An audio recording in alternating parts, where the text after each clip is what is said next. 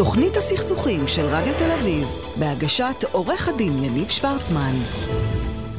ונמצא איתי עורך דין אדיר אביעד, מנהל מחלקת מקרקעין ונדל"ן ושותף במשרד בורחובסקי ושות'. אהלן אדיר, מה העניינים? אהלן, מה נשמע יניב?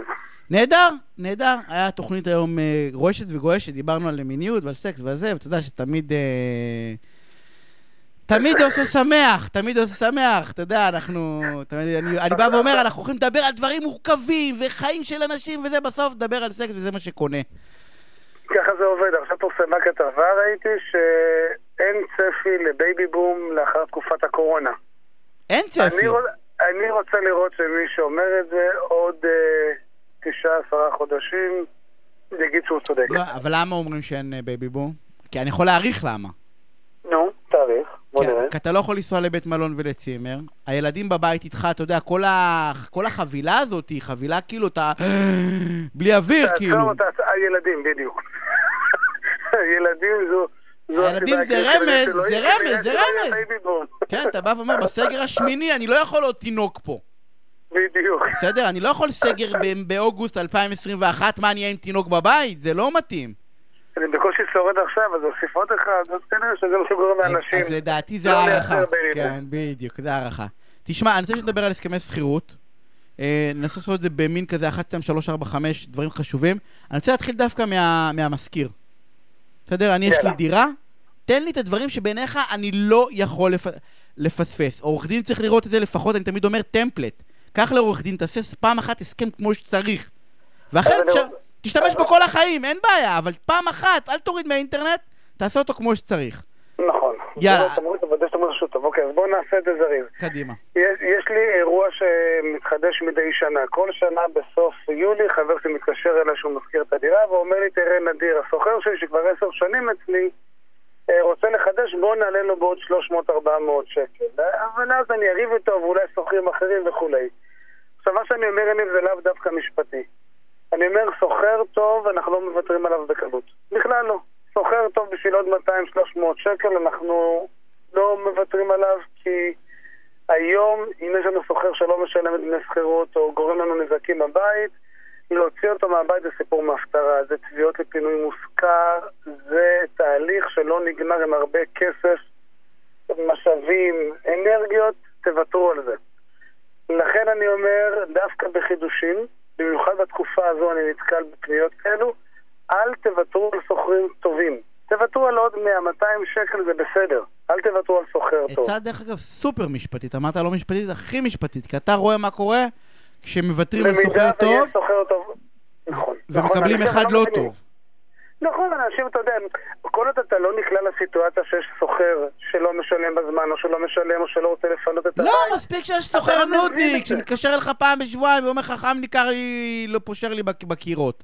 נכון, נכון, ואז הוא מבלבל לך את המוח, תתקין לי, תתקן לי, אבל תבינו, גם אם סוחר לא משלם דמי שכירות, התהליך של לפנות אותו, למרות שהוא קצר ביחס להליכים משפטיים אחרים, אורך מינימום שנה. עכשיו שנה יש לך מישהו בנכס, לא משלם דמי שכירות, ואתה לא יכול לעשות כלום חוץ מתביעה. אחרי התביעה אתה ניגש להוצאה לפועל, תהליך מיותר, יש לכם סוחר טוב, תשמרו עליו, אל תוותרו יאללה, טיפ ראשון, הכי, הכי- ובעיניי מדהים שהבאת אותו, מחבקים סוחרים טובים. שתיים, הדבר, הדבר השני, אה, מישהו מוכן להתחייב בהסכם שהוא מוכן לשלם שכירות של עשרת אלפים שקל בחודש, כי אתם בטוחים שזה מה שמגיע לכם, תבדקו. זאת אומרת, תבקשו תלושי שכר, תבקשו דפי אה, חשבון בנק, תוודאו שמי שעומד מולכם ומתחייב ואתם נותנים מי לו שאומר לך, תשמע, אין לי, לא נעים, יש כאלה שאומרים, בשביל מה אתה צריך, אתה יודע, מה- מה מה עכשיו כאב ראש הזה? יש כאלה שמזכירים לי ככה. נכון, נכון, אני אומר שוב, יש לי, במקרים האלה, אתה יודע, לו דוגמאות מהחיים, מישהו בא, תראה איזה יופי, הצלחתי להשכיר את הדירה שלי בתל אביב ב-7,000 שקל, לא האמנתי שאני אקבל עליה. אחרי חודשיים חוזר אליך ומסתבר שהבחור לא שילם לו שקל וחצי, כי הצ'קים חזרו. לכן תשימו לב, תיקחו דפי חשבון בנק לפני שאתם חותמים על ההסכם, תבקשו לקבל משכורות, לראות שיש הכנסה מלי, שיש הכנסה שאפשר מתוכה לשלם את דמי השכירות, ותחשבו גם יש ארנונה ואוכל. תבינו עם מי אתם אה, מתקשרים בעסקת השכירות. תגיד, מקובל, מספיק לחתום יש-. יש את הדוח אשראי הזה. יש את הדוחות שאפשר לקבל. היום עדיין לא משתמשים בזה בצורה מספקת לפי דעתי. כן, זהו, מעניין אותי, כי פעם אחת ראיתי, את האמת כן. שראיתי את זה על עצמי, פתאום אני אומר, בואנה, אני רואה פה את כל ה... אתה יודע. את כל התנועות ואת כל- כל את כל ה- המקום. כן.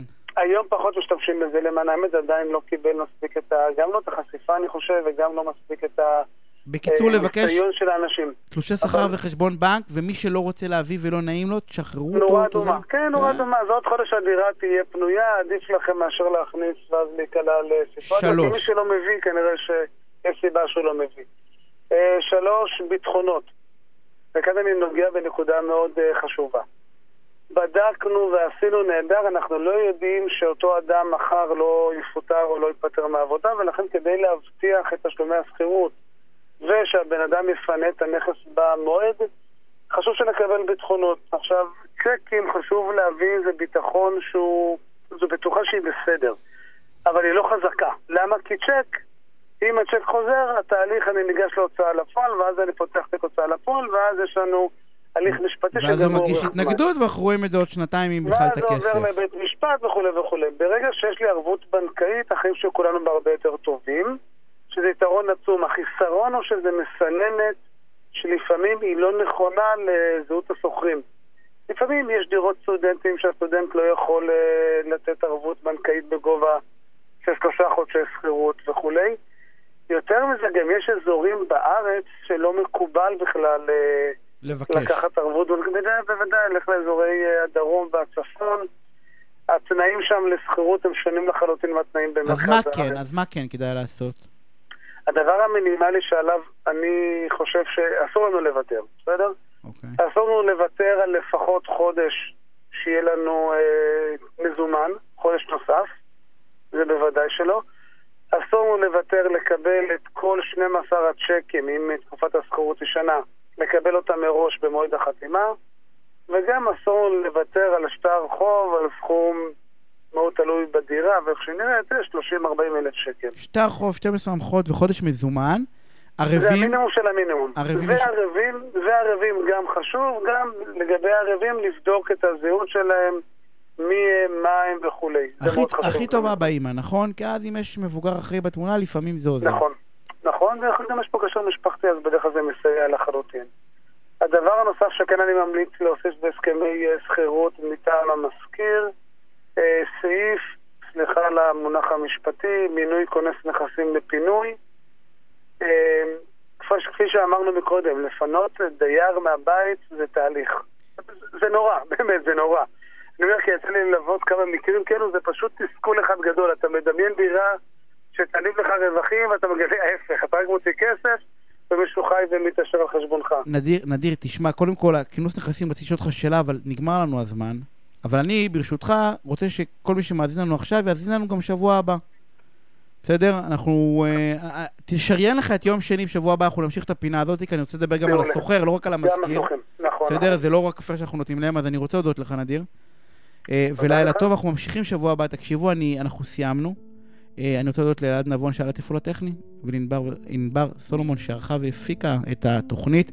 אתם תשמרו על הבריאות ותהיו טובים, ושבוע הבא ביום שני בשעה שמונה בערב אנחנו נהיה פה ובפייסבוק, ותזכרו מה שאמרתי בפתיחת תוכנית רגע לפני שאתם הולכים להליך המשפטי, רגע לפני, תכתבו לי בוואטסאפ, תכתבו לי בפייסבוק, אולי ביחד, באופן יצירתי, נחסוך לכם הרבה הרבה עוגמת נפש. ערב מהמם ושבוע בריא. ביי.